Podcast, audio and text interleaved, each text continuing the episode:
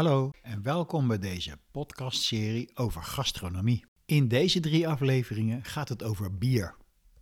Hoe wordt het gemaakt? Hoe kun je smaken en stijlen onderscheiden? En hoe maak je een goede combinatie met je eten? Mijn naam is Jeroen Bronkhorst en deze podcast wordt je aangeboden door de Wijnstudio. Ik zie het hier bij, uh, bij eh, Rick Kempen. Zeg ik het goed? Rick dat zeg je helemaal goed. En uh, Rick is van Bier Co, zeg ik dat ook goed? Dat zeg je ook ja. helemaal goed. Tot nog toe gaat het helemaal goed. en Rick is dé man op het gebied van bier in Nederland. Dus ik denk, ik wilde heel graag iets uh, met gastronomie, met bier gaan doen. Want bier is natuurlijk hartstikke belangrijk.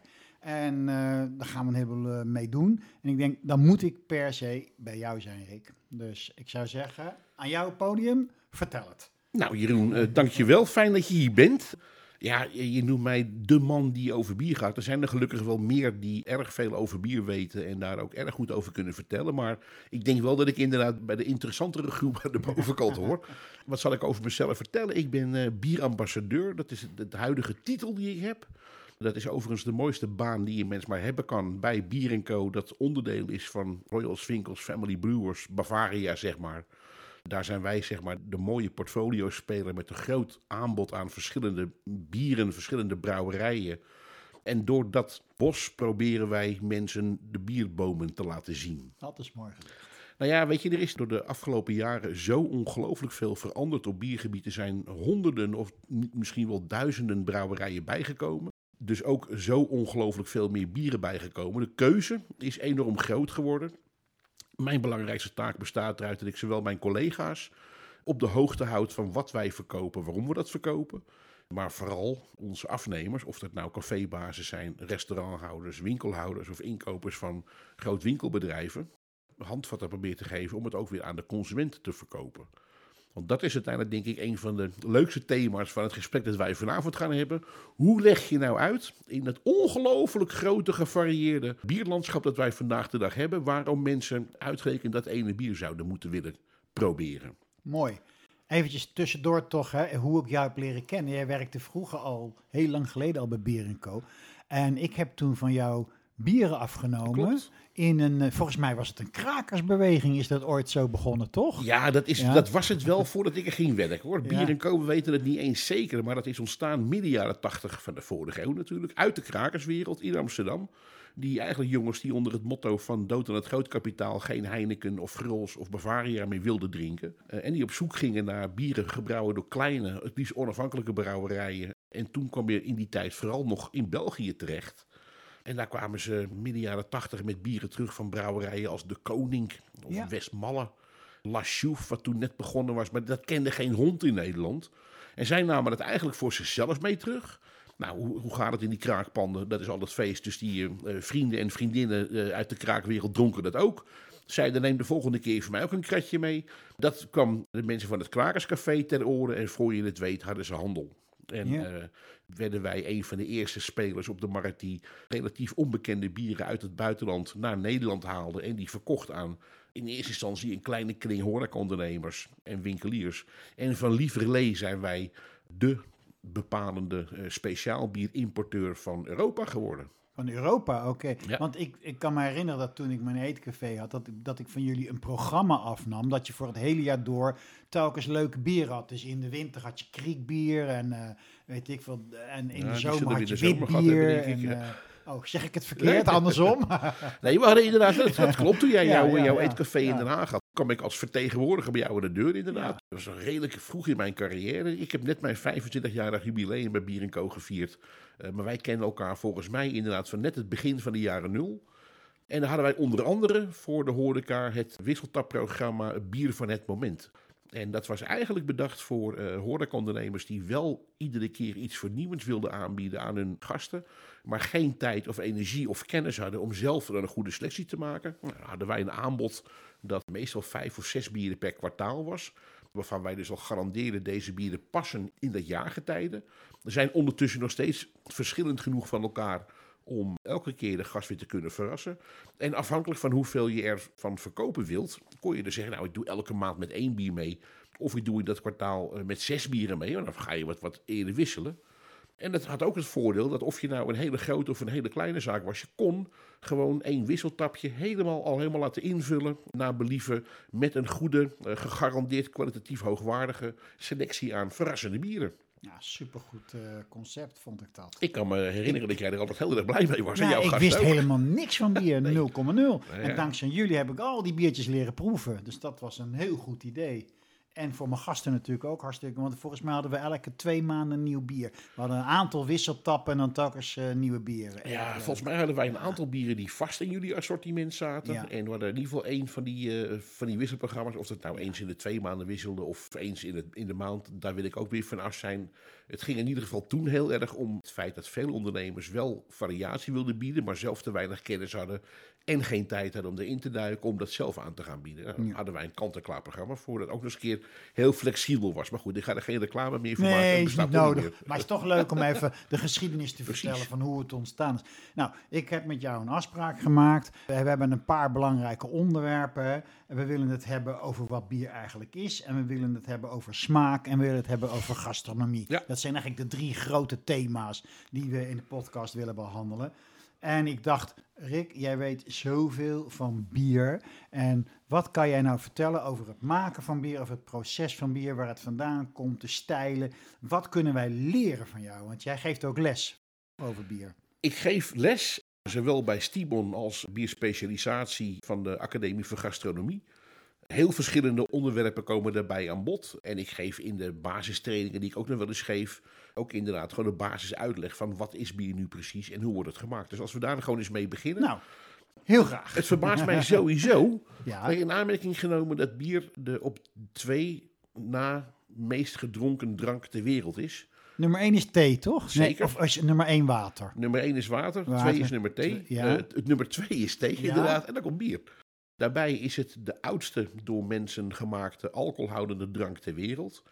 En in aanmerking genomen dat dat dus de op twee na meest gedronken drank ter wereld is, is het verbijsterend om te zien hoe weinig mensen eigenlijk weten waar bier van gemaakt wordt. Mijn dochter heeft ook heel lang gedacht dat melk in een pak groeide.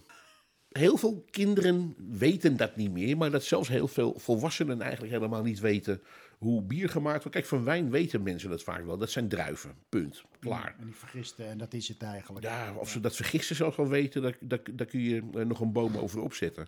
Maar grappig genoeg, als jij mensen vraagt waar is bier van gemaakt? Wat zijn nou de vier basisingrediënten van bier? Dan noemen de meeste mensen wel hop. Maar ze noemen bijvoorbeeld water eigenlijk nooit, terwijl dat een van de belangrijkste ingrediënten is. Althans, in ieder geval in volume. Mout of graan, daar komen ook nog wel aardig wat mensen weer op. Maar gist bijvoorbeeld wordt eigenlijk zelden of nooit genoemd. Maar dit is, dit is onder andere overigens, vind ik ook wel leuk om dat meteen te zeggen, mijn fascinatie met bier. Want ik ben inmiddels natuurlijk echt een totale biergek geworden. Zit hem in het feit dat er tienduizenden brouwerijen zijn wereldwijd die allemaal met deze vier basisingrediënten elke keer weer een andere kleur, geur en smaak weten te creëren. Het is krankzinnig. Maar is het dan niet zo dat er meer elementen bij moeten komen dan die vier producten? Dat kan. Je kunt bier ook nog verrijken met fruit, met honing, met kruiden, met specerijen. Je kan het laten hout lageren. Je, je, kan er van alles mee doen. Maar 80%, als het geen 85% van de bieren zijn ter wereld, worden gewoon met deze vier basisingrediënten gemaakt. En alleen al door de hoeveelheid variëteit die je kunt toebrengen door verschillende soorten mout te gebruiken. Hoe je al kunt spelen met behandeling van je water. Hoe je eindeloos kunt variëren met hop en hopmelanges. Op welke momenten in het brouwproces je hop gebruikt. En hoeveel verschillende soorten gist er wel niet zijn. Die allemaal een eigen effect weer hebben op het eindproduct. Het is krankzinnig veel. En ook verschillende soorten hop, toch? Die heb ik ook genoemd. Ja. Nou, ik zal het je nog anders vertellen. We dwalen alweer meteen verschrikkelijk af. Hè? Hoe wordt bier gemaakt? Daar gaan we het zo meteen wel over hebben.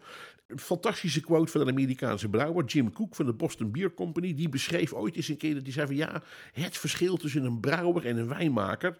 Het klinkt misschien heel vervelend, maar de wijnmaker is eigenlijk, als je hem al met een minnaar zou vergelijken, een hele saaie kwast die eigenlijk alleen maar de missionarisstand kent.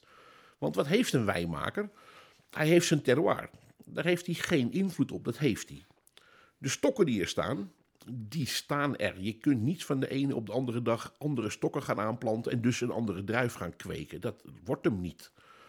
Ja, dat kan wel, maar dan, heb je, gaat er een zee van tijd overheen voordat je daar effect van hebt. Het klimaat, daar heb je het maar mee te doen. Waar de helling is, ja, die verandert ook niet. Hè? Het enige, zei hij, waar een wijnmaker uiteindelijk echt invloed op kan uitoefenen, is het moment van de oogst, de methode van de oogst, de methode van het persen en de methode en de locatie waar de vergisting plaatsvindt. Maar een wijnmaker kan natuurlijk ook zijn snoeimethodes aanpassen, zijn bemestingsplan aanpassen. Nou, dan kan nog wel wat dingen doen, hè? Hij kan, hij kan een aantal dingen niet en hij kan een hele hoop dingen wel. Een Ja. brouwer kan alleen al, heeft overal invloed op. Hij is niet afhankelijk van het terroir, niet afhankelijk van het klimaat, behalve als het gaat om de oogst van de granen die er uiteindelijk eh, bij gebruikt worden. Maar dat ga je uiteindelijk toch weer mengen tot een mengsel van granen, waardoor het eindresultaat hetzelfde was als voorgaande jaren. En is het dan eigenlijk niet zo dat bier van graan uit Noord-Schotland heel anders smaakt dan uit Wales of zo?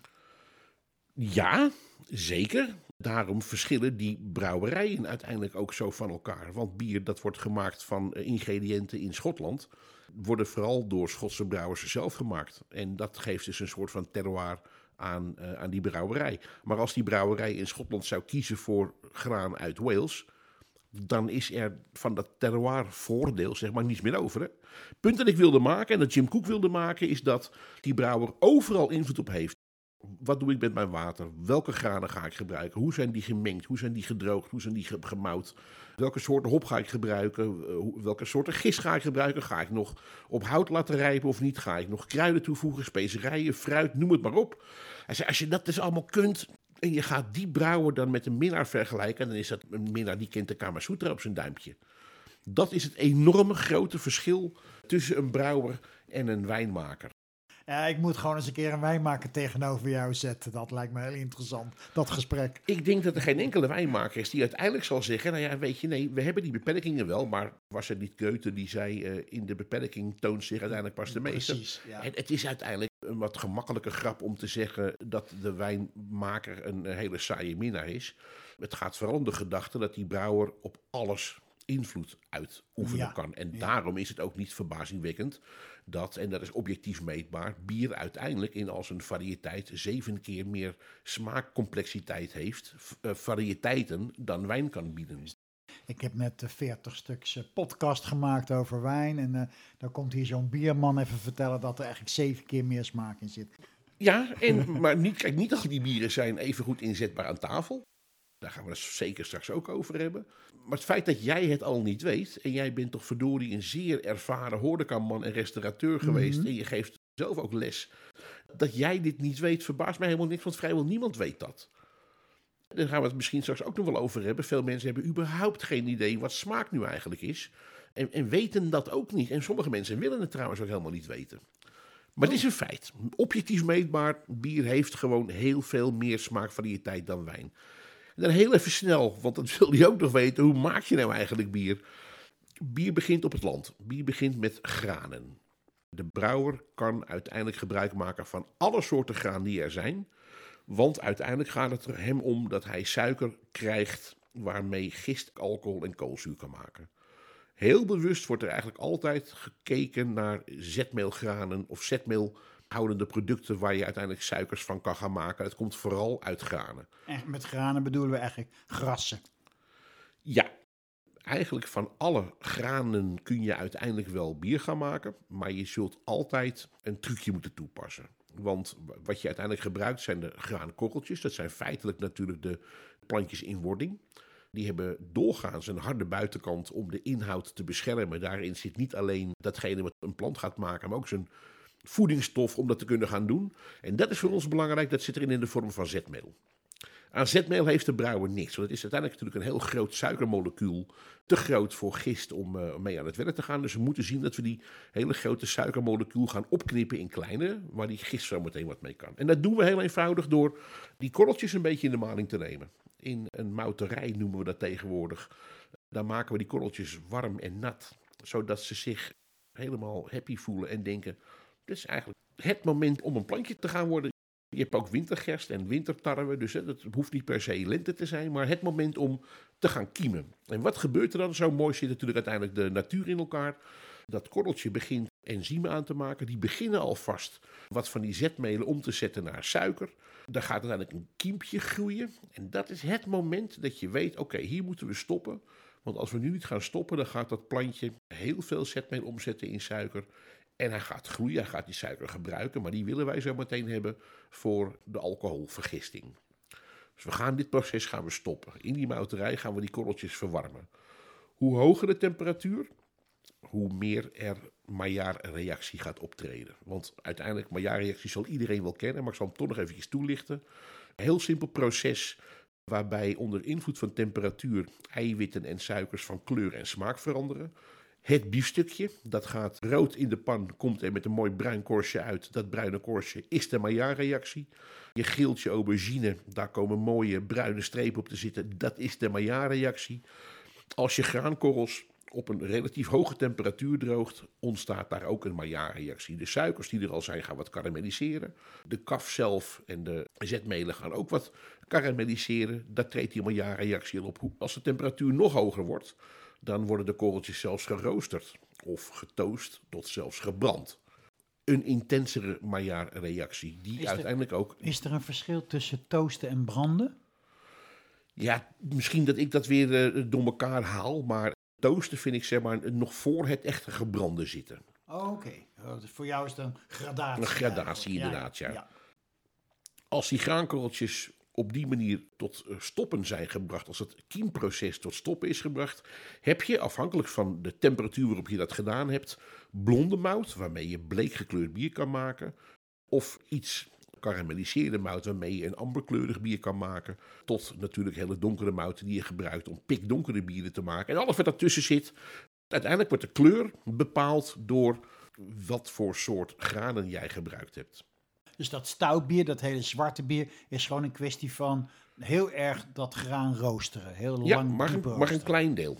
Bij zo'n stout, wat pikken donker uitziet, daarvan is denk ik misschien maar zo'n 15 tot 20 procent van het totale moutstort is van het hele donkere graan. Dat geeft namelijk al heel snel heel veel kleur af.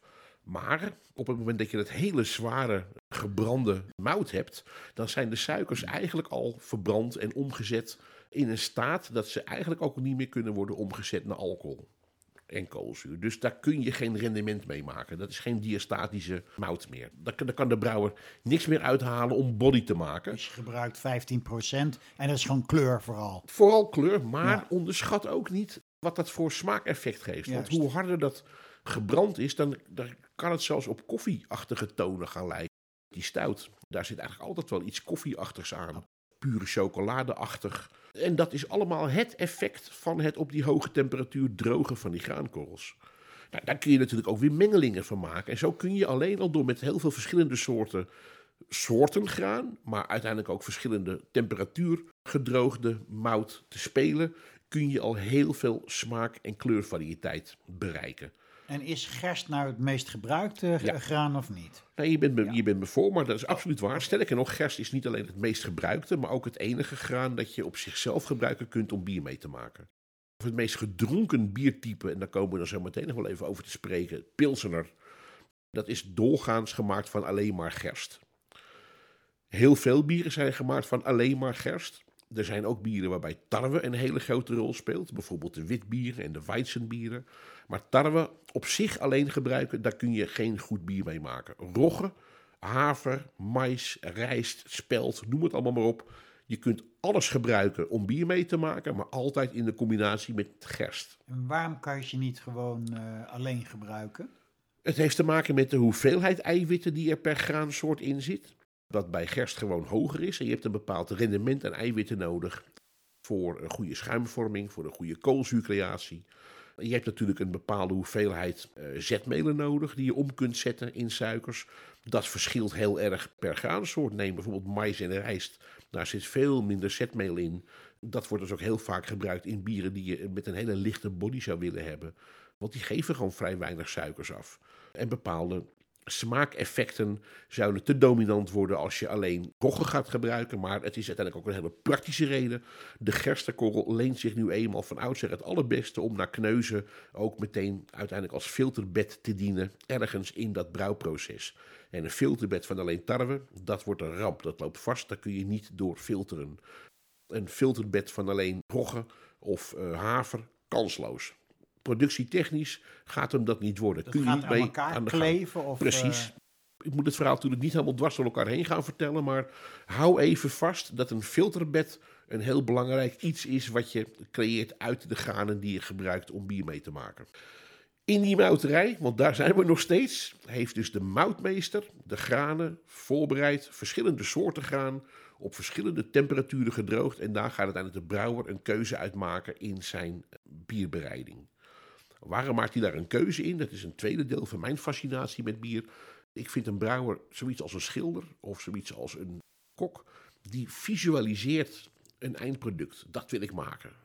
De schilder zegt dat moet er zo uitzien. De kok zegt dat moet er zo uitzien. Het moet ook zo smaken. Dat doet die brouwer ook. En dan gaan ze terug redeneren. Wat heb ik daarvoor nodig? Welke stappen moet ik zetten? Met welke ingrediënten om tot dat eindresultaat te komen? Ik vind dat fascinerend dat mensen dat kunnen overigens.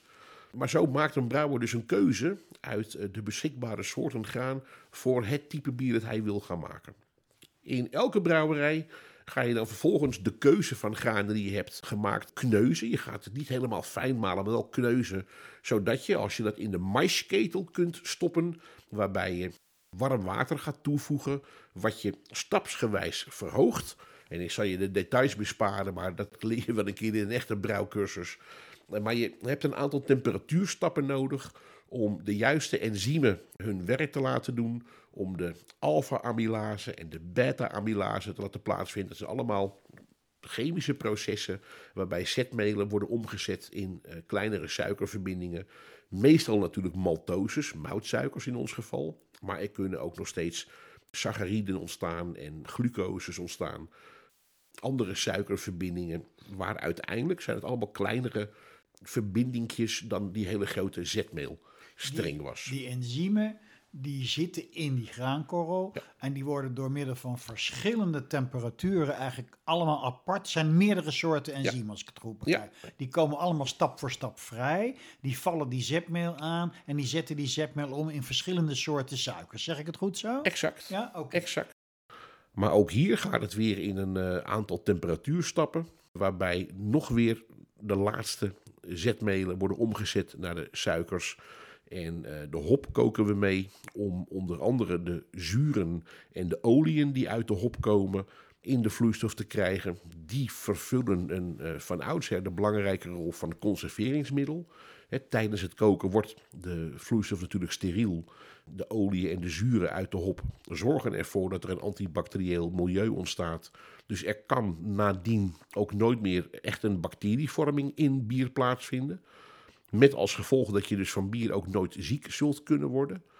Dat wil zeggen, vanuit bacteriologisch uh, standpunt. Ja, nee, deze is altijd een inkoppertje natuurlijk. Uh, je, je, kunt heel erg ziek worden van bier, maar dat is echt je eigen schuld dan. Ja, absoluut. Ja. En, en ik heb begrepen dat uh, hop, dat is familie van de hennep, toch? Van de cannabis. Ja, alleen er zit geen THC in. Dus je, je kunt roken wat je wilt, maar je wordt er niet high van. Nee.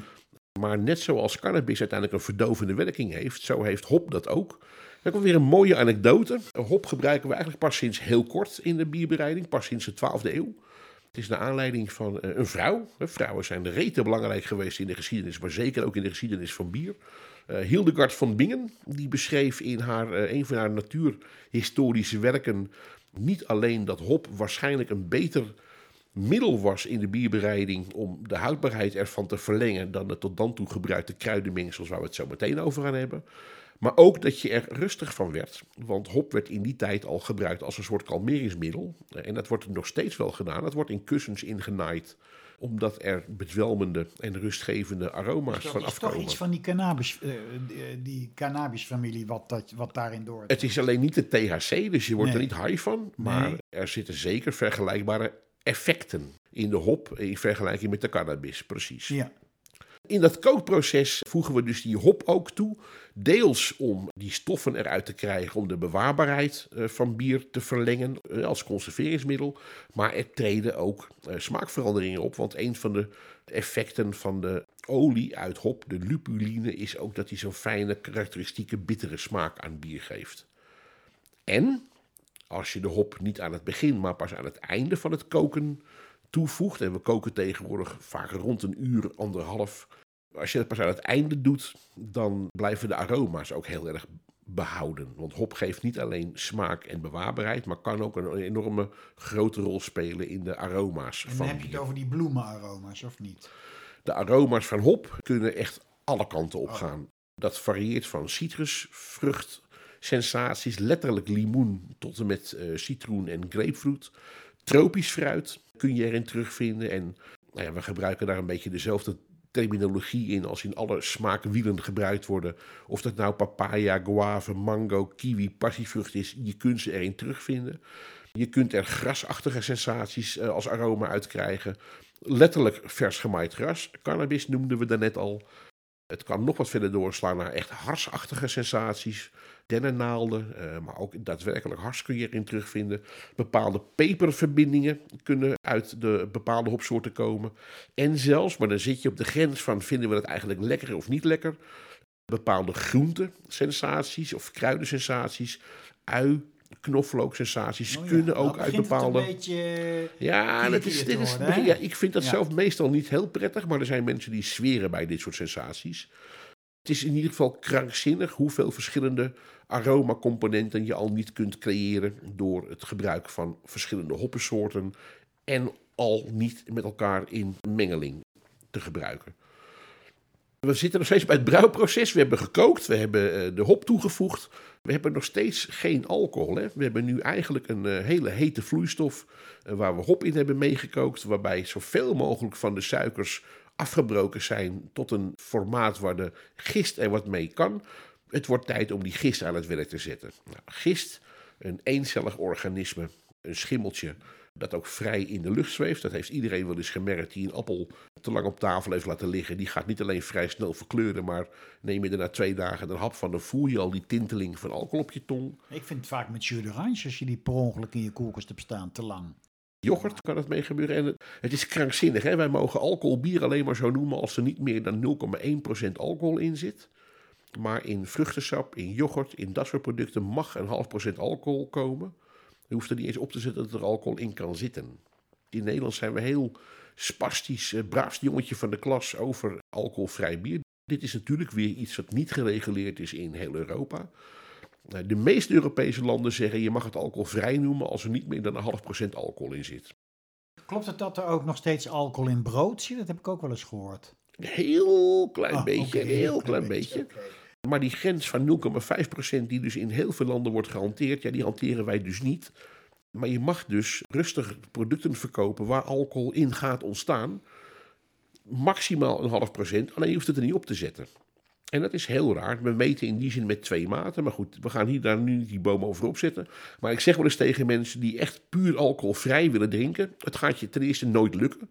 Want er is altijd iets van alcohol in. Jij maakt zelf ook de hele tijd door alcohol in je lichaam. Hè? Er zitten ook gisten in die suikers omzetten.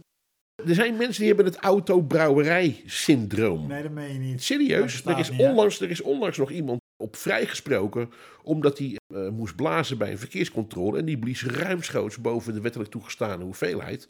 En de man hield vol, ik heb helemaal geen alcohol gedronken. Maar Sterker dat nog, voel je dan toch wel? iemand die het autobrouwerijsyndroom heeft, maakt zoveel alcohol aan in zijn eigen lichaam van de suikers die je elke dag binnenkrijgt, dat je ruimschoots boven die hoeveelheid uggels blaast. Alleen omdat dat altijd jouw stabiele niveau is, ben je dus niet onder invloed. Dit is jouw standaard niveau van alcohol in jouw bloed hebben. Je hebt daar geen last van.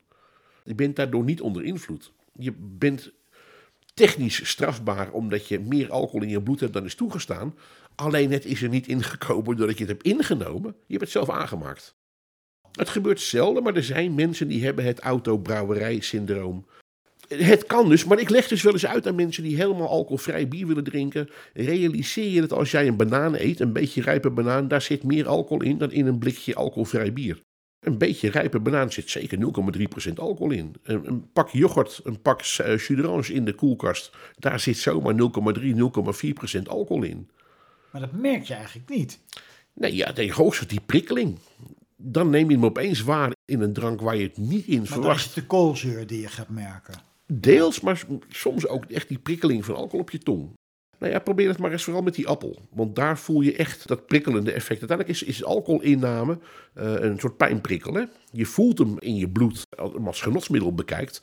Maar mensen die wel eens een uh, strorum puur gedronken hebben, van 96%, die weten dat is een pijnprikkel. Dat voel je. Uh, cask strength whisky, dat is een pijnprikkel.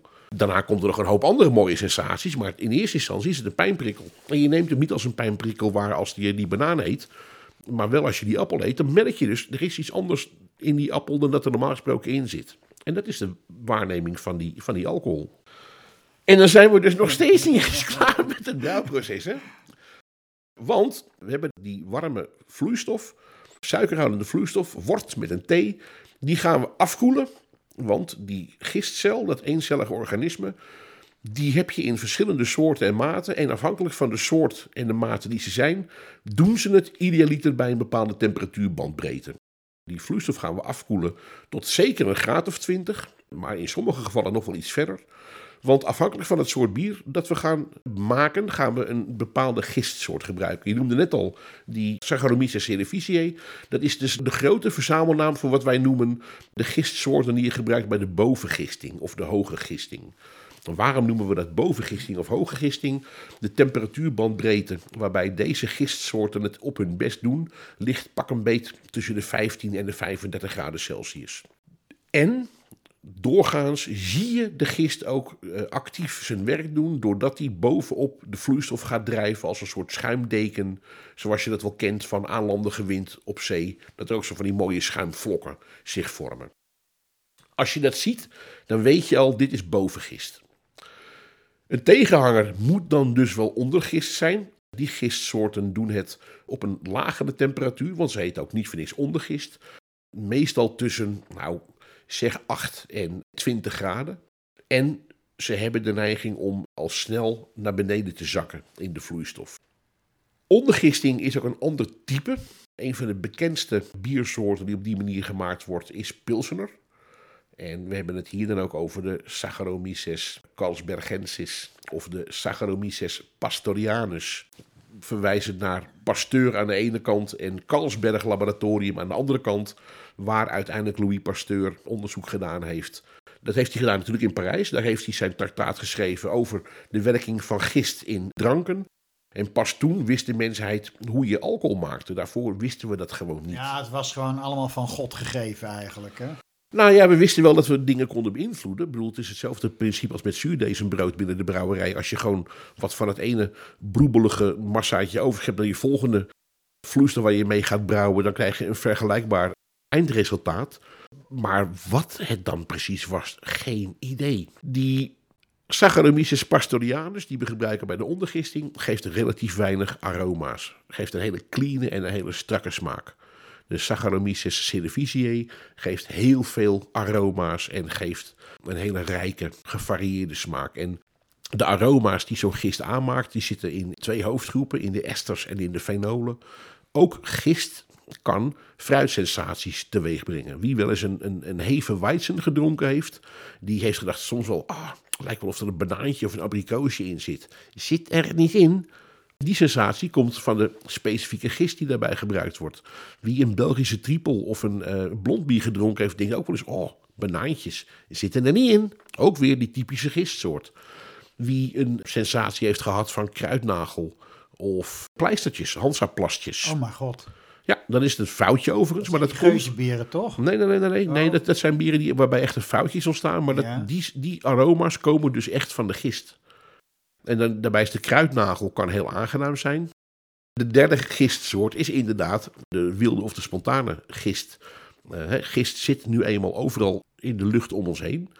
Pas sinds de jaren 60 van de twee eeuwen geleden uh, weten we dat we gist kunnen isoleren, kunnen opkweken, zodat we een rijncultuur hebben en daarmee exact kunnen voorspellen wat de gist gaat doen in onze vloeistof op gebied van alcoholcreatie en aromacreatie.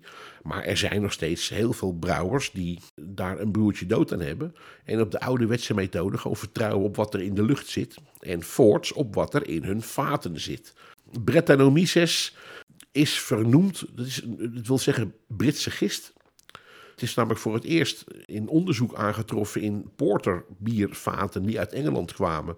En daarin vond men deze, wat ze noemen, wilde gist. Want hij is namelijk niet gecultiveerd. Hij is niet van een rijncultuur.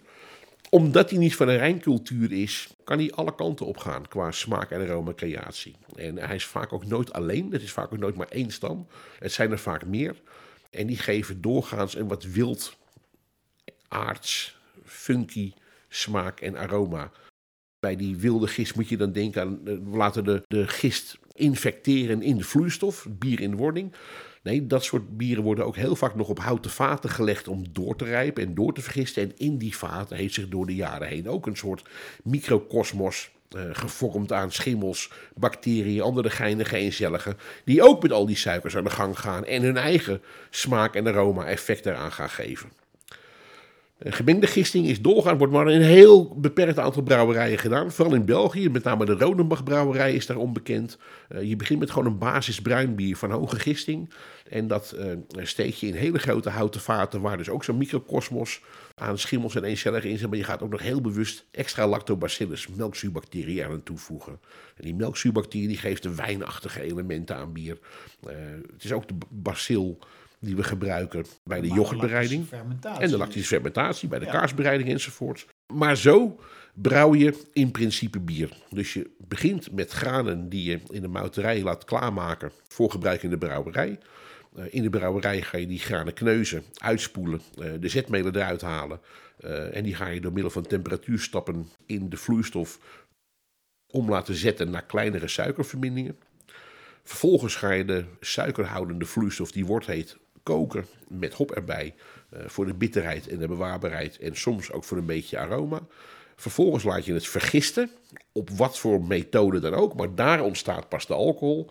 En dan, afhankelijk weer van het soort bier, moet het nog een tijdje rijpen, lageren. Uh, in het geval van ondergistend bier, pilsener bijvoorbeeld. Traditioneel moet dat heel lang, tot wel 90 of 120 dagen aan toe op een temperatuur rond of soms zelfs onder het vriespunt. Waarbij er eigenlijk helemaal geen chemische processen meer doorgaan. Maar dat is maar schijn, want zelfs bij die lage temperatuur worden er nog bepaalde stofjes die bij de, uh, alle chemische processen die hiervoor zaten, die we eigenlijk niet in het eindproduct willen hebben, die worden daar als magisch door de gist alsnog uitgehaald. Uh, uh, en daar wordt eigenlijk het, het bier echt helemaal afgemaakt. En bij bieren van hoge gisting uh, is die periode van lagering doorgaans veel korter. maar kan nog steeds een week of drie, vier zijn. En daarbij kan dan, en dat is met name in België, de brouwer er ook nog voor kiezen om nog een tweede fermentatie te laten plaatsvinden. Door bijvoorbeeld wat gist toe te voegen op de fles, zodat die nog kan hergisten na de verpakking. En dat is echt alleen maar om extra alcohol en koolzuur te vormen in, uh, in het bier in de fles. En dan kan het de markt in. Dan kan het verpakt gaan worden en dan kan het de markt in. Even over dat maken. Ik heb wel eens gehoord dat pils maken veel moeilijker is dan andere bieren om te maken. Ja, en daarmee bedoelt men te zeggen, juist omdat er in het uh, productieproces en met name in het vergistingsproces van pilseners zo weinig aroma's worden gevormd, heb je eigenlijk heel weinig uh, uh, hoekjes om je achter te verschuilen als je een klein foutje maakt. Juist. Uh, pils is clean, strak, heeft weinig expressieve smaak. En dus elk foutje dat je maakt als brouwer valt op.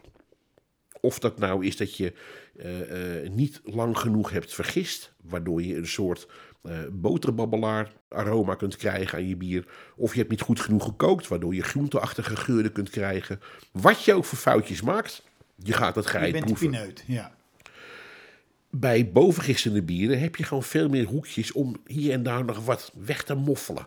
En je kunt zelfs nog een handje hop erbij gooien om bepaalde smaken nog extra te verdoezelen. Uh, een beetje uh, de tante Til van de Zwielie Knots, die met een klorretje roze hier of een klorretje roze daar nog wat kan goochelen om foutjes te verdoezelen. Die ruimte heb je als pilsbrouwer eenvoudigweg niet. Is uh, pils hetzelfde als eel of niet? Nee. Nee. Ale. ja? Ale is een Engelse term die wordt gebruikt voor alles wat bovengistend is. Engelsen gebruiken de term ale tegenwoordig voor bovengistend bier en gebruiken de term lager voor ondergistend bier. Lager, dat, en dat is de, de term voor pils eigenlijk. Ja, en die, en die term ontlenen we volledig de Engelse aan het Duitse woord lageren, wat opslaan of rijpen betekent. Want het is in Duitsland geweest dat we die techniek van de ondergistende brouwen echt ontdekt en geperfectioneerd hebben. Waar ze de biergartens hadden. Die biergartens werden gebouwd op grotten. In die grotten, waar het altijd een hele stabiele lage temperatuur was, daar lagen die bieren op die hele lage temperatuur te rijpen en een ideale smaak te vergaren. We wisten alleen helemaal nog niet dat dat ondergistend bier was. We wisten wel dat het een andere methode van vergisting was dan het bovengistende bier, maar dat het onder of bovengistend was, die termen gebruikten we helemaal nog niet eens. En het woord eel, om dan nog eventjes daarmee terug te gaan, uiteindelijk helemaal terug te voeren op oud-Keltisch, waarbij ele eigenlijk staat voor de Heilige Geest. En door het drinken van ele kon jij als priester in contact treden met het hiernamaals of met de hogere machten. Kijk, dat zijn de goede berichten. En dat zijn ook weer, en dan gaan we weer terug naar een ander puntje. Bier is dus hartstikke oud, hè? Eh, De oudste door mensen gemaakte eh, alcoholhoudende drank ter wereld is al 14.000 jaar oud. Daarmee twee keer zo oud als wijn, zeker. Ja, twee keer, ja. En al in eh, Egypte werd het ook gebruikt als betaalmiddel. Maar heel veel priesters in Egypte dronken ook bier om in contact te komen met het hogere. Wat wij wel eens onderschatten, al die mensen die met die eh, halve liter blikjes op een bankje in het park liggen, die zijn in contact met het hogere. Heel mooi. Ja, Ga ik ze vertellen. nou ja, ze kijken je dingen wat glazig aan. Nee, maar het is natuurlijk een dronkenschap. Maar dat, dat werd toen als heel anders werd dat beschouwd. Dat was een soort loskomen, een andere dimensie van jezelf. Ele betekende in het Oud-Engels dus de drank waarmee jij in contact kon komen met het hogere.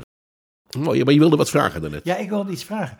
Ik heb altijd het idee gehad dat bier vooral iets was van de koudere landen. En dat, dat eigenlijk waar wijn niet meer ging, daar ging je bier maken. Dat was een beetje mijn primitieve idee. In daarover. grote lijnen is het ook zo. Ja. Het is niet per se helemaal zo. Eh, want om maar eens eh, wat anders te noemen, eh, waarom weten wij dat bier al 14.000 jaar oud is? Omdat we in een grottencomplex in Haifa, daar hebben we in grotten uitgehouwen vijzels gevonden. In die vijzels vonden we sporen van gefermenteerde granen. En die konden we met koolstofdetectie terugbrengen tot 14.000 jaar oud. Gefermenteerd graan wijst op bierproductie. In dat grottencomplex, dat was een onderdeel van een heel groot begrafeniscomplex, eh, was dus een brouwerijtje gebouwd waar we bier brouwden. Eh, en dat bier dronken we wederom om een overgangsrite te vieren, namelijk van leven naar dood. Ook weer om in contact te komen met het hogere. En overigens ook om in contact te komen met elkaar. Haifa is niet per se een hele koude streek. Maar eh, eh, bier werd daar zeker al gebrouwen. En in Mesopotamië, het land van Eufraat en Tigris, zeg maar het, grofweg het huidige Irak. Daarvan weten we zeker ook dat er in de landbouwrevolutie ook al bier werd gebrouwen. Ja, dus je hebt het over Israël, Irak, Egypte. Dat zijn Zeker. echt koude landen. Nee, nee, nee, nee, nee, nee. Maar, maar, we weten ook dat in Europa er een zogenaamde bierlijn loopt. En die bierlijn die loopt grofweg onder Engeland door, dwars door Noord-Frankrijk, gaat dan zo half door Duitsland heen, eh, om uiteindelijk richting Polen te verdwijnen. Onder die lijn is het doorgaans eh, eh, een ideaal klimatologische omstandigheid voor de druif om zich te ontwikkelen. En Precies. daar maakt men dus ook in grote meerderheid wijn. Eh, daarboven is het te koud. Eh, daar getijdt toevallig gerst dan weer heel veel beter. Daar maken we overwegend bier. En kom je nog noordelijker, ja, dan wordt zelfs de gerstteelt lastig. En daar groeien dan toevallig wel weer heel veel besjes en eh, andere fruitsoorten. En daar maken we sterke drank van. Dus de, de, de vikingen van vroeger dronken ook wel bier, maar die dronken vooral natuurlijk gefermenteerde alcohol van, van zure besjes. En Noord, dan En- heb je en- het en- over boven, boven, Schot, boven Schotland nog. Ruimschoots boven Schotland. Ja, Ja, ja. Maar er is dus inderdaad een, een, een soort eh, eh, ideaal gebied waar eh, de, de gerstkorrel zich beter gedijt dan de wijndruif. En dus maken we daar meer bier. Je ziet het ook bij de kloosters en abdijen. Die mochten altijd maar drie dingen drinken: water, karnemelk en de drank van de streek. En zo maken kloosters in Zuid-Europa altijd wijn. En kloosters in Noord-Europa altijd bier.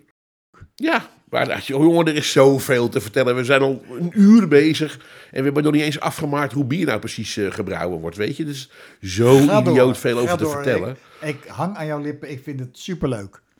Nou, ik ook. Ik vind, het ook, Ja. ik vind, ik vind Ja. het ook leuk, want daar begonnen we eigenlijk mee. Het is dus apart dat we van de meest gedronken, alcoholhoudende drank ter wereld maar zo weinig weten. Veel mensen noemen dus die vier ingrediënten al niet. En eh, in de afdeling Leuke Anekdotes, een jaar of dertig geleden, was het grootste Engelse pilsmerk, Carling. Die hadden besloten, wij gaan een beetje met de moderne tijd mee. Wij gaan alleen nog maar Engelse hop gebruiken in ons bier. Eh, en dat gingen ze ook gebruiken in de reclamecampagne. Eh, proud to be brewing with eh, English hops. En die lieten ze ook zien op posters. Die groene hopbloemetjes die kwamen in beeld. En die kregen dus prompt allemaal boze brieven van consumenten. Die zeiden, will you stop putting those green stuff in my beer? Oh, die... Ja, maar dat zat er al honderd jaar in. Ja, maar dat wisten ze dus ook helemaal niet. Hè? Hadden geen idee. Zo weinig weten we ervan. En dat, dat, is dus mijn belangrijkste drijfveer nog steeds om als bierambassadeur stad en land af te reizen en dit soort verhalen te vertellen. Nou, en daarom vind ik het ook zo leuk om deze podcast mee te doen. Want uiteindelijk, als je wat begrijpt over hoe bier gemaakt wordt en waar bier van gemaakt wordt, dan leer je ook te ontdekken waarom bepaalde smaken en geuren en eh, kleuren in bier ontstaan. Dan leer je ook pas snappen waarom bieren smaken en eruit zien zoals ze smaken en eruit zien. En pas dan kun je bier echt gaan toelichten En waarderen. en waarderen. En eh, pas dan kun je ook iemand pas goed adviseren over wat zou je nou moeten drinken. Juist. Want dan ga je het hebben over smaak.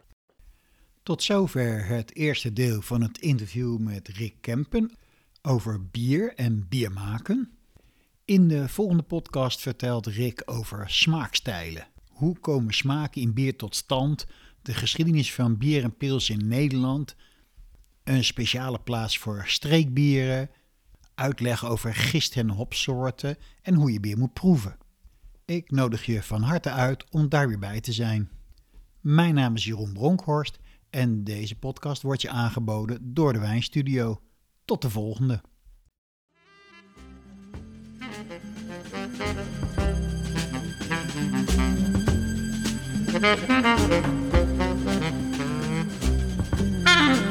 Thank you.